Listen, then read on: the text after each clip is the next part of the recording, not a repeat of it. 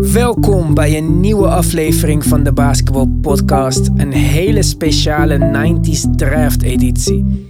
En voordat ik jullie ga vertellen wat we precies gaan doen, wil ik eerst mijn mededrafters aan jullie voorstellen. Zoals altijd, aan de andere kant van de lijn, Mr. Business, Mr. International, Marky Marketing, Mark. Yo guys, what's up? What's up, Mark? En vandaag, vanuit het zonnige Amsterdam, de Vlaamse reus, van Sint-Niklaas tot Damsko-Zuid, represent la Belgique to the fullest, Nick. Bonjour, bonjour. Hey, Ivan, dankjewel voor de mooie intro, man. Ja, we moeten er wat, wat, wat spontaans en leuks en vrolijks en zonnigs van maken in deze dramatische tijden. En daarom hebben we vandaag een hele leuke podcast voorbereid. Tenminste, wij waren allemaal heel enthousiast, dus ik hoop jullie ook. Eh, vandaag gaan we spelers die gedraft zijn in de jaren 90 draften in de huidige NBA. In de volgorde van slechtste naar beste team volgens de laatste standings wordt er dan één 90 speler gekozen. En een spelletje is natuurlijk niet leuk zonder spelregels. Dus we draften de speler die de beste fit is. Niet zomaar het beste talent. Dus niet van 1 tot en met 30 je beste speler bij welk willekeurig team er ook mag kiezen. We gaan ervan uit dat dit seizoen niet meer verder gaat. En dat we nu in het offseason zijn. En dat we volgend jaar het seizoen gewoon kunnen beginnen. We gaan ervan uit dat spelers als Clay Thompson en John Wall dus gewoon weer kunnen spelen. We mogen geen picks traden. Dus we draften bij voorkeur een speler die het team afmaakt of in de contending regionen pusht. Spelers met een speleroptie blijven automatisch bij de club. En over spelers met een aflopend contract mag de drafter en dus waarnemend GM beslissen. Dus bijvoorbeeld, Hassan Whiteside is deze zomer free agent. Ik kies ervoor om hem te resignen en draft niet Shaq, want ik heb al een startende center. Dat zou dan een optie kunnen zijn. Dit mag je alleen doen met spelers van je eigen club die bird rights hebben. Duidelijk? Yes. Oké, jullie klinken niet enthousiast voor al mijn mooie Ja, man. Ik dacht dat we het zo... eh, hè? Ja, nee, Ja. mooi, mooi Ik uitgelegd. heb wel eh. zin om te beginnen. ja. Oké, ik heb hier voor mij, ik hoop dat jullie mij vertrouwen, een random sequence generator. Dus als jullie een nummer uit kunnen kiezen van 1 tot en met 3, dan klik ik op de knop en bepalen we zo de volgorde waarin wij gaan kiezen. Voorkeuren, jongens. 1 tot en met 3, zeg het maar. Drie. Eh. Nick, Ja. 1 of 2? Twee. Nou, dan ben ik 1. Druk ik op de knop. 3, 1, 2. oh, yes! Dus de number one pick is voor Mark. En eh, laten we er dan maar niet al te lang over doen. Met de eerste pick voor de Warriors aan het woord nu. Mark. De Golden maar. State Warriors selecteren power forward Tim Duncan. Oeh, dat is een mooie keuze. Dat had ik ook gedaan. Vertel het maar, waarom? Was het, was het de nummer eh, 1 op jouw draftboard? Of is dit de beste fit voor jou? Dit was de beste fit voor mij. Oké. Cultuur. Hij is perfect voor onze cultuur. Hij is een harde werker. Fund- fundamentals zijn ongelooflijk goed bij Tim Duncan. We hebben twee shooters al. Ons backcourt is perfect. We moeten ons frontcourt een beetje versterken op, eh, en vernieuwen met Draymond Green die wat ouder wordt. En voor ons lange termijn toekomst is Tim Duncan de perfecte speler.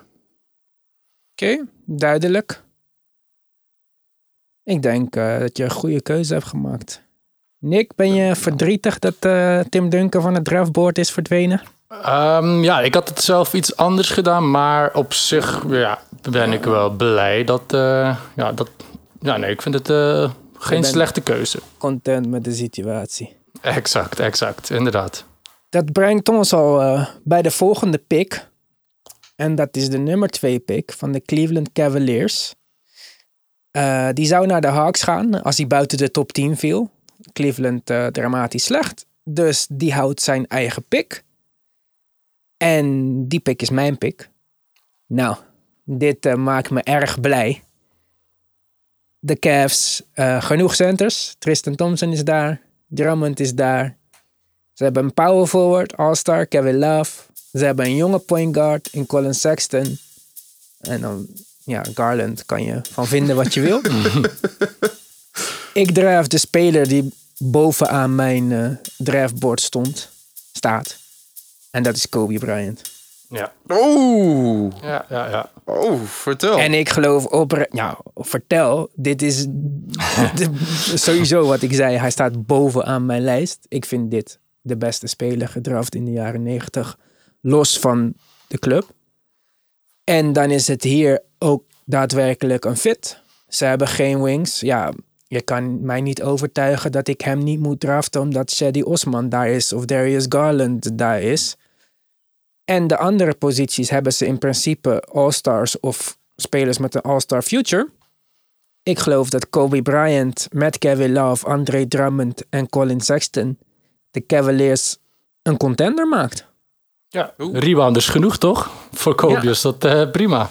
Ja. En de defense gaat omhoog op de wing. Dus eh, ja, ik, eh, ik ben enthousiast. Colin Sexton heeft eindelijk een eh, backcourt teammate die groter is dan eh six foot.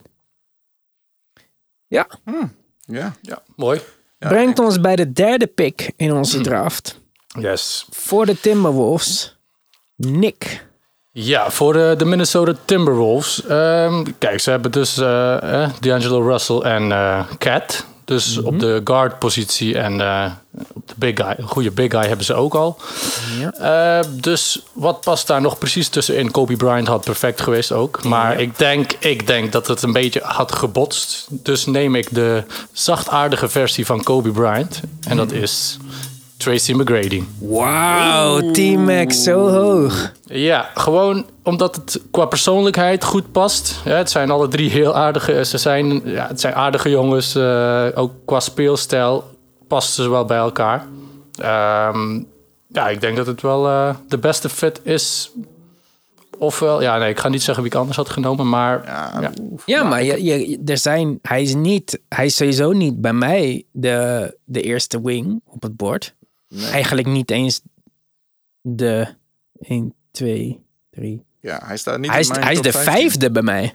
oké. Ja, Dus Ja, waarom. T-Mac dan? Wa- waarom niet... ehm, ja, ik ga geen andere namen noemen voordat jullie Nou, niet vergeten zijn. Ja, nee, nee. Maar ik ben, ik ben sowieso al een grote T-Mac fan. En eh, ja, toen ik eh, de NBA begon te volgen, was het echt Kobe versus T-Mac. En ik vind dat hij niet heel veel eh, minder goed was. Ja, verdedigend misschien wel en, en mentaal. Maar ik, ik vind die drie wel gewoon bij elkaar passen. Ik, zou, ik, zou, ja, ik heb geen spijt van de keuze. Ik zou het zo Hoe ziet je line-up eruit dan? Is dat Russell, Beasley, T-Mac? Ja. Wie is power forward in dit geval? Eh, power forward. Ja, kijken. trouwens kan T-Mac ook spelen in deze NBA. ja, 6'8 ja, ja, ja. Ja, Oké. ja, ik had het niet verwacht eerlijk gezegd. De Ja. 17 jaar oudige of 18 jaar oudige T-Mac bij de Ik Wolves. ook Maar niet. ik begrijp, de potentie is er wel. En ook. Cat heeft wel een extension. En hij, gaat, hij wordt hoog gedraft. Oorspronkelijk eerste ronde, negende pick in 1997. Ja, precies. Mm. Ja, Goed. Dan eh, gaan we door met de vierde pick voor de Atlanta Hawks. Ben eh, jij weer aan de beurt, Mark? Ja, voor the fourth pick, the Atlanta Hawks select Grant Hill. Oeh. Ideale speler, hij is direct uit college bij Duke. Ja. Een van de beste spelers, behalve een van de beste spelers was hij direct. Hij heeft het talent, hij is een LeBron voor LeBron. Als je kijkt wat hij deed. Boven 20 punten, boven 6 rebounds, boven 6 assists. He- door zijn hele seizoen. Hij kan de beste ballhandler zijn. Hij heeft een killer crossover. Hij heeft gewonnen bij Duke ook. Hij heeft gewonnen door zijn hele leven. Ja, Atlanta Hawks hebben een winnaar nodig. Ze hebben iemand die ook een shot kan zijn eigen shot kan creëren. Ook kan assist kan maken. Hoeft de bal niet de hele tijd te hebben. Ja. Ja, hij, is, hij was zesde op mijn draftboard, dus ik had hem ook hoog eh, op de lijst staan. ja. Zijn jullie mee eens? Ik, Eh, ik, bij vind, de- bij ik de- vind het eh, geen slechte keuze, maar ik had iemand anders gekozen, maar ik vind Ja. het geen slechte keuze. Ik, ik had eh, sowieso wel een big guy gekozen. Echt een, een center om, om die Ze hebben pick Capella. Ja, oké, maar Capella, daar zou ik ook niet voor 100% meer op rekenen. En als je kijkt wie we nog kunnen draften, als je begrijpt wie ik bedoel, dan denk ik eh, dat een, een ons- pick-and-roll duo wel... dat ja. brengt ons bij de volgende pick. En dat zijn de Detroit Pistons. Waar ik eh, de beslissingen maak vandaag. Detroit Pistons hebben precies dat niet. Een center. De laatste center hebben ze weggetraind. Wat ze wel hebben is Blake Griffin. Waar je kan van vinden wat je daarvan wil vinden. En Derrick Rose. Dus behalve dat ik hier zou zeggen best player first. Past deze de beste speler ook heel goed eh, in dit team. Oorspronkelijk de nummer 1 pick uit 1992. Oeh. Big Diesel. Yes. Shaq Daddy. Shaquille O'Neal. Ja, zo had ik het ook op mijn lijst eerlijk gezegd. Ook bij de, bij de Pistons, Ja, Mark? ja Oké. Shaquille O'Neal, perfecte speler. Hij is een gamechanger. Iets, iemand die het... Ja, Ivan, jij moet het uitleggen eigenlijk. Ja, kijk. jouw pick. ik, ik zeg je eerlijk. Ik zeg niet dat hij voor een van de bovenstaande teams een betere fit was geweest. Maar als je aan mij vraagt, wat is de biggest impact player die ik me kan herinneren, zou ik wel zeggen Shaq. Dus dat hij in, op, in onze draft al naar de vijfde plek is gevallen, zegt ook wel een tikkeltje misschien iets over deze tijd. Want bijvoorbeeld bij het volgende team, ja, zou ik hem ook gedraft hebben omdat ze gewoon slecht zijn. Maar ik had hem ook niet bij de Hawks gedraft, omdat daar dus een Capella is en een Trey Young en een John Collins. En ik zeg niet dat die in de buurt zijn van Shaq, maar met een Grant Hill vul ik een gat in wat we niet hebben. Dus op die manier het eh, bekeken hebben, snap ik Mark's keuze daar. Maar Shaquille O'Neal, ja jongens, een van de meest dominante spelers aller tijden. Als je dacht dat Zion sterk en groot was en dominant, dan ken je Shaq nog niet. En we krijgen hier gewoon een, een, een jonge god, zowat. Zo groot, sterk en bewegelijk is hij. Mhm. Ja, ik denk dat eh, als Derrick Rose fit blijft, dat Derrick Rose en Shaq genoeg is om eh, de playoffs in het oosten te halen met gemak. Ja, inderdaad. En ja, mooie combinatie. Blake Griffin ook iemand die kan creëren voor anderen. En, eh, ja, goede paser ja, uit de ja, post. ja. Ze kunnen misschien de triangle terugbrengen of zo. eh. ja, precies eigenlijk wel. Goed, Mooi. dan gaan we door naar de zesde pick. En dat zijn eh, de New York Knicks.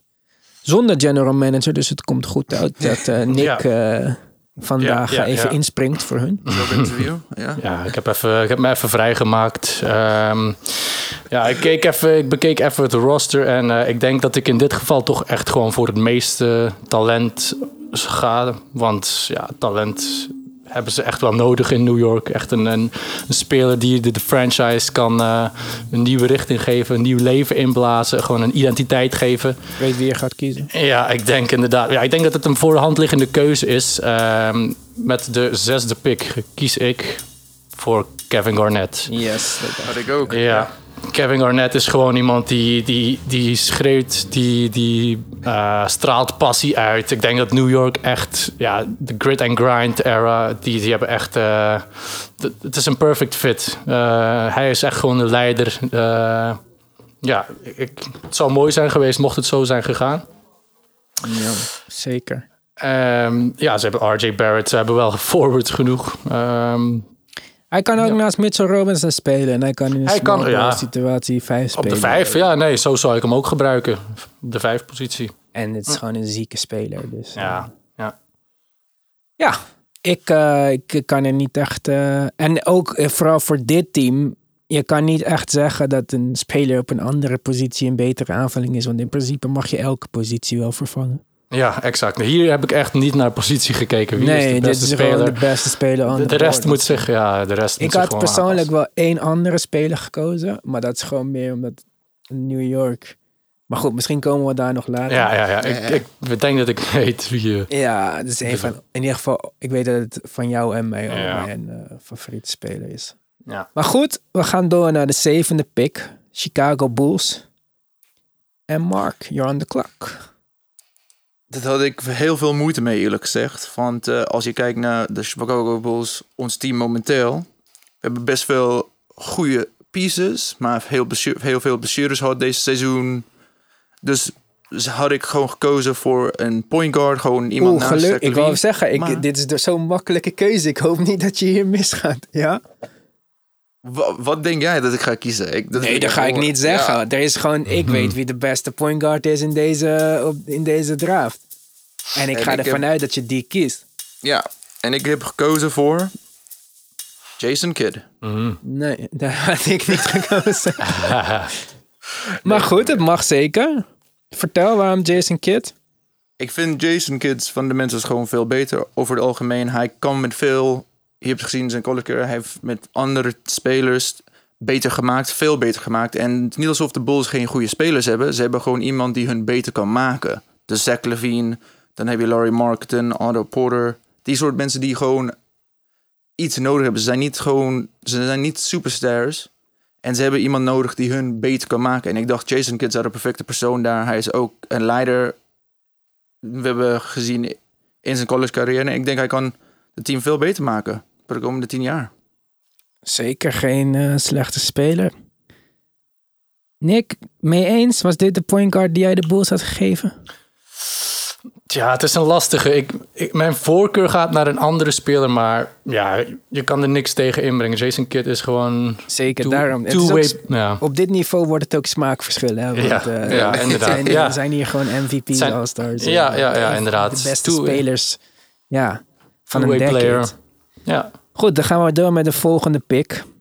Daar ben ik eh, niet super blij mee. Want de Hornets eh, vallen in mijn schoot. Nou. Ja. Ja. De beste spelers van de Hornets vind ik Devante Graham en PJ Washington. Zou ik die niet vervangen per se? Ja, wel. Maar oké, ik, ik doe mijn best om er dan dit seizoen al het beste van te maken. Zonder dat er nog andere moves worden gemaakt. Dat schakelt een speler uit die ik hoger heb op mijn draftboard. Omdat die de positie deelt met PJ Washington. Eh, ik ga dit eh, backcourt van de Hornets eh, complementeren. En een van de kleinste backcourts in de NBA maken. Maar met het grootste hart. Wat we misschien ooit in basketbal gezien hebben. Inch voor inch. De beste basketballer naar mijn mening aller tijden. AI. Allen Iverson. Vertel, Ja. waarom? Nou ja, eh, wat ik zei, het grootste hart wat ik ooit heb gezien. Eh, ik denk dat hij eh, in deze NBA. Kijk, als je kijkt naar hoe James Harden gebruik maakt van fouten en dat soort dingen. Ik, denk dat AI keer 100 dit eh, zou kunnen doen. Ik vind hem zo goed. De jongen is 1 meter 77, 78 misschien echt.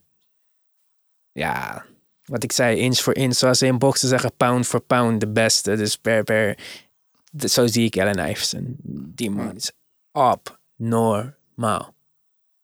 Ik weet niet of het helemaal gaat klikken op de training als Michael Jordan komt kijken.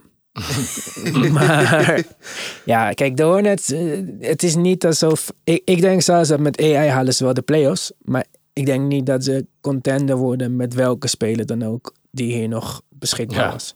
Ik denk zelfs dat ze niet met Shaq contender zouden zijn in... eh, De, Ja, heel goede keuze. Ik denk dat eh, Michael Jordan dezelfde keuze zou gemaakt hebben. Ik denk dat Denk hij wel. ook, eh, ja. ja. Ja, Dus eh, nee, op dat, in dat opzicht ook. eh ja, goede pick. Goed, Nick. Ja, Dan de, blijf jij eh, aan het woord. Gaan we door ja. naar de nummer 9 pick voor de Washington Wizards. ja, de Washington Wizards. Eh, dus ervan uitgaande dat eh, John Wall volgend jaar eh, terugkomt. Weliswaar met een iets andere rol, zeg maar een meer eh, ja, tempo bepaald, maar minder, scorend, eh, minder scorende rol.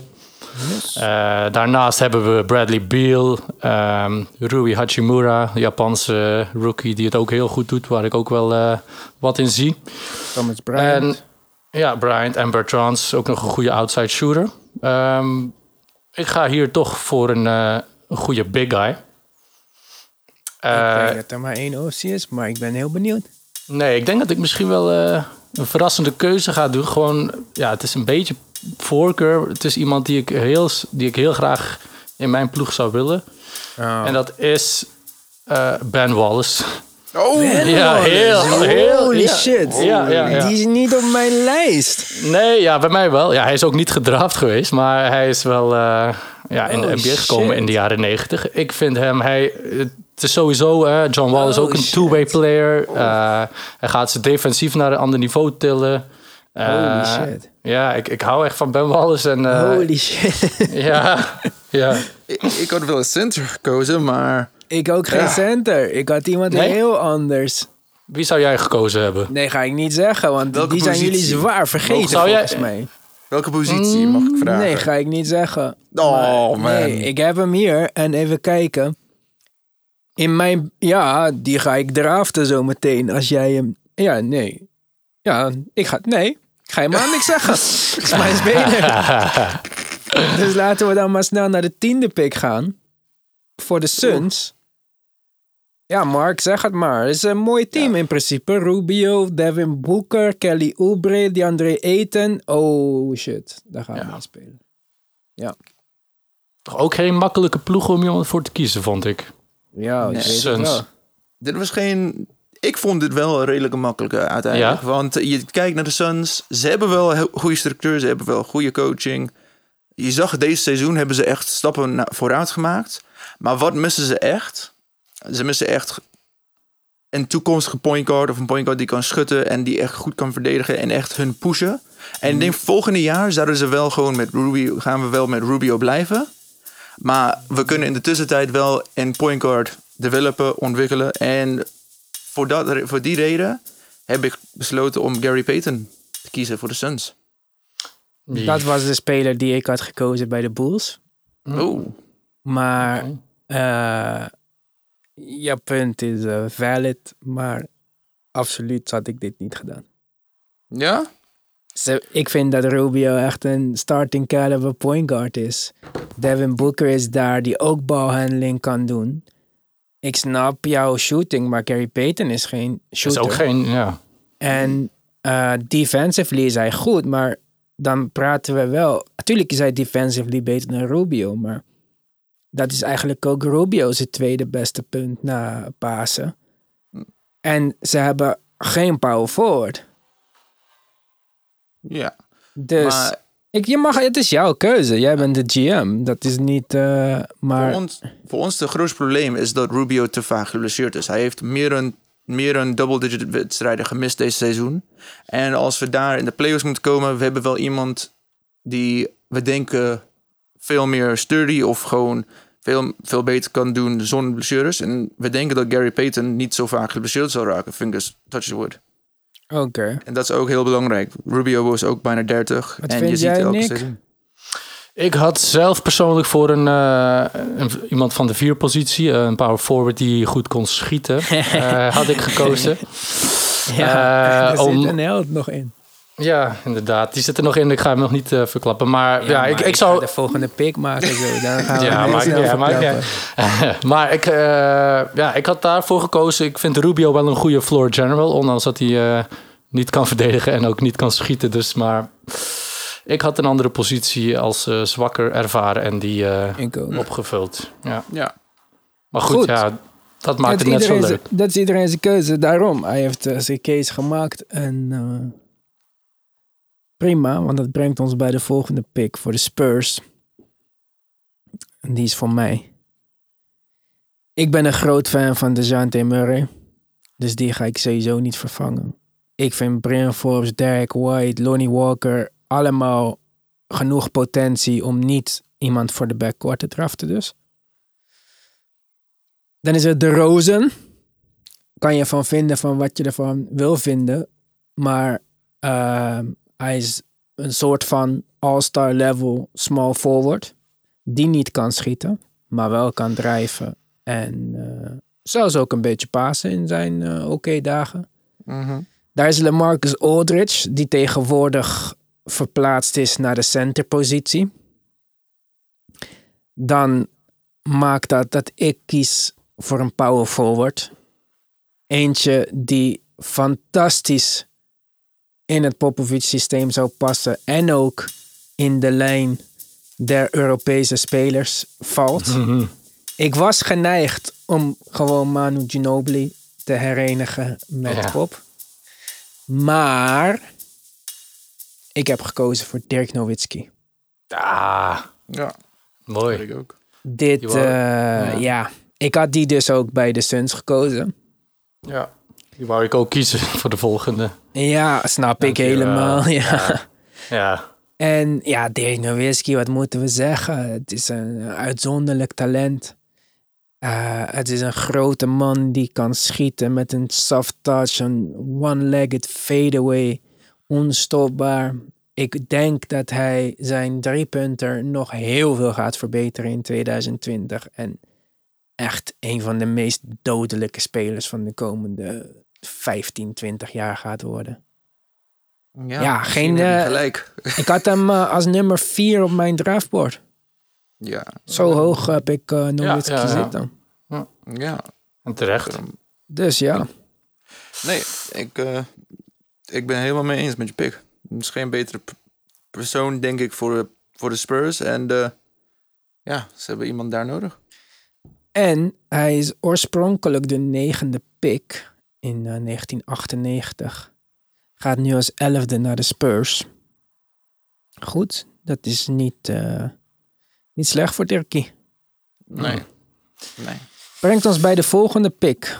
Twaalfde, Ja. de Sacramento Kings. Het is een spannende.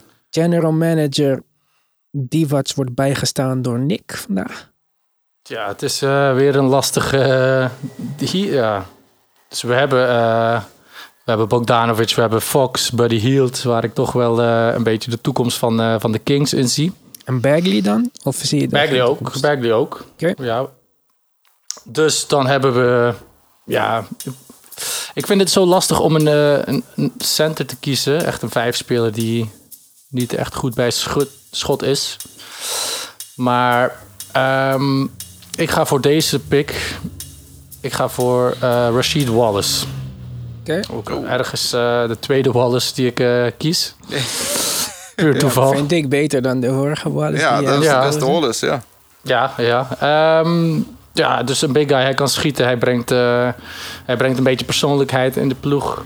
Ik denk dat de coach eh eh, Walton het er wel moeilijk mee zal hebben. Ja.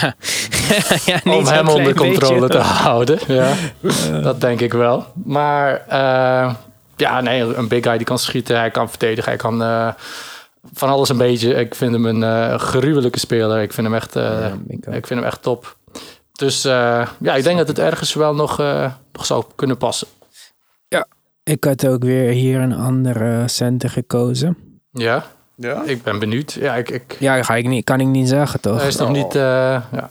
Maar eh, ik eh, vind het geen rare pick of zo. En ik had voor dit team bijvoorbeeld graag Tracy McGrady gezien. Dat Ja. was echt een hele mooie fit geweest. En wat ze, wat ze hadden gewild van Harrison Barnes is Tracy McGrady keer duizend, zeg maar. Ja. Maar eh, ja, ik, ik begrijp je keuze. En de spelers die ik hoger op mijn draftboard hebben, heb, zie ik ook niet per se als eh, betere fits. Het is ook een lastig team. Ja. Ik denk alleen niet dat ze met Sheet in een veel hogere positie komen dan dat ze nu zijn. Nee, het kan best zijn dat ze, dat ze wel een keertje ineen kunnen storten ook. Ik weet het niet. Ja. Als, het, eh, als hij de, de hele kleedkamer eh, door elkaar schudt. Kan allemaal. Maar ja, toch. Ik heb het wel voor hem. En eh, hij brengt denk ik wel iets wat ze nog niet hebben. Jazeker wel. Dat brengt ons bij het dertiende team. En eentje die ik heel graag had willen hebben. Mhm. Ja. Een team wat ik veel heb gezien dit jaar. Waar Zion de regerende koning is. Mark, Ja, ik Wat moest, ga je iemand, ik moest iemand zoeken waar het team een beetje zwak was. Wie het best zou passen. Wie de bal niet de hele tijd nodig had. Maar als ze de bal hebben, maken ze de goede beslissing. Of kunnen wel hun eigen schot maken. En voor mij was dit een redelijk makkelijke keus. Dit was misschien een van de makkelijkste naar de top 5. En dat is Ray Allen. Oké, Ja. even denken, want ik Hij, hij kan zijn eigen schot maken. Hij heeft een van de mooiste shots. kan zijn eigen schot maken. Ja, Ja, ja. ja. Ja. bij de Bucks, Ray Allen van de Bucks. Ja, ja. Oh, we hebben niet, hij is niet bij de Bucks geweest. ja, Ray Allen heeft wel de potentie Ik denk- ik- om... Ja, en wie zou beter... Je moet gewoon denken, hij heeft de bal niet nodig om 20 Ja, of der- ja. 30 te mogelijk scoren. Dat is, En je moet denken, hoeveel- je hebt al Drew Holiday, je hebt al Lonzo. Je hebt mensen die de bal naar hem kan passen. Je hebt Zion, Favors. Je, moet- je hebt gewoon iemand nodig die een beetje zoals wat Clay Thompson doet. Kan gewoon Een de bal beetje- krijgen en gewoon goed scoren. Ja. En hij kan redelijk goed hij verdedigen. is wel beter dan Clay Thompson, hoor. Ray ja. Allen. Ja, als, als playmaker bedoel Ja, ik. Hè? ja. Niet als verdediger, maar... eh, Nee. Maar ja, niet een eh, super rare keus. Ja, maar je hebt niet toch- Niet verwacht, maar niet eh, super raar. Ja, maar je hebt ook JJ Redick toch al een beetje in die, in die rol. Ja, maar JJ is 36, hè? Ja, ja, dat, ja. Nee, Dat- kijk. Het is een beetje, ja. Ja, dit is wel... Ik, snap het, ik vind JJ. Redick ook goed genoeg. Maar JJ start niet eens. En die is wel 36. En Ray Allen in deze NBA kan misschien ook wat drie spelen. Dat kan JJ zeker niet. Dus je zou wel een starting line-up voor je kunnen zien met Drew, met uh, Lonzo. Lonzo en Ray Allen. Ja. En dan, Dan heb je twee goede Zion. verdedigers en een shooter. Ja, maar dan ben je wel klein, hè? Maar Ja, je goed, bent wel klein, maar je grootste speler is 6'7 dan, hè? ja. En dat is Ja. Ingram. En die is zo zwak als wat. Klein vogeltje. Twijgje. Maar Zo goed, is dat ik heb gemaakt. prima. Geen. eh, kijk, eh, bijna van alle keuzes die we vandaag hebben gemaakt, hebben we, zitten er geen ja, foute keuzes tussen. Want al deze spelers zijn heel goed. Hmm. Maar dat brengt ons bij de laatste pick voor deze uitzending. Deel 2 in een volgende uitzending gaan we het hebben over de teams die buiten de lotterie vallen. Dus eh, ik sluit hem vandaag af. En met de veertiende pick voor de Portland Trailblazers. Team met twee centers. Waarvan ik zelfs Whiteside niet hoef te resignen. Maar dan heb ik Nurkic nog steeds, die ik zeker starting caliber center in de NBA vind. Lillard hoeven we niet over te zeggen. Ik ben absoluut geen McCallum fan, maar ik mag hem niet treden. Dus om iemand te draften op zijn positie en hem op de bank te zetten, vind ik ook weer zonde. Wat missen ze? Een betere vervanger voor Mello of voor Ariza. Als we die houden. Ja, jongens. Ja, ik denk dat ik weet hem voel komen. Ja, jij, Komt. Je gaat degene die- Ik ben zo blij dat ik hem mag kiezen en dat niemand anders hem heeft gekozen. Ah, ja, Met de 14e pick. Oorspronkelijk de 24e pick uit de draft van 1992. Hij heeft niet alleen een, eh, een killer game, maar ook een killer in zich. Latrell Sprewell. ja, mooi. Ja. Two-way speler. Bang. Deze gaat. Hij kan iedereen verdedigen van 1 tot 3. Dus dat is een mooie toegevoegde waarde aan dit Portland team die geen verdedigers hebben. Kan over de bal spelen. Kan scoren. Ja. Ja, ik vind dat hij een klein beetje wel in het, in het vaarwater zit van, van eh, Lillard en... wat zeg ik nu? Ja, Lillard? Lillard. Nou, Lillard en... ehm, Meer in McCollum's water. Ja. McCollum. Je hebt al een paar 1, 2 spelers. Ik had zelf meer voor een 3, 4 speler gegaan. Maar dat kan nu. Maar Maar als ik ja, kijk naar de volgende 3, 4 speler. Ja. Er is één speler die misschien wel logischer was. En misschien zou ik die ook moeten kiezen. Even kijken, wat worden Ik- mijn volgende keuzes? Ja, ik, Kijk. ik ben. Ja. En Chris Webber was hier heel goed geweest, bijvoorbeeld. Mhm. Maar fuck Chris Webber. Ik kies Oh. in de loterie. Ja, Die zou jij nooit. die zou je- ik weet dat hij is 6'5. Hij is misschien niet de grootste drie. Maar hij kan drie's verdedigen. En defense is wat ze nog het meest nodig hebben van alles, denk ik, als iedereen fit is. Ja. En dan eh resign maar Mello voor 14, 15 punten per wedstrijd. eh, prima. ja, Ja. En ik ben bevooroordeeld. En I don't give a fuck. ik, ben ja. blij. ik ben blij dat je hem vandaag al hebt kunnen kiezen. Dat hij, eh, en dat jij hem hebt kunnen kiezen sowieso. Precies, ik werd ook een ja. beetje anxious. Hè? Ik dacht van straks gaat iemand anders hem kiezen. Maar goed, zoals ik al zei, dit was deel 1. Deel 2 gaan we de spelers kiezen van de 15e tot de 30ste plek. Dus dat is zeker de moeite waard om eh, nog naar te luisteren. Er blijven een hoop sterren over. Voor nu, voor vandaag, is dit hem. Wij bedanken iedereen die heeft geluisterd. En tot de volgende keer. Yo Hey guys.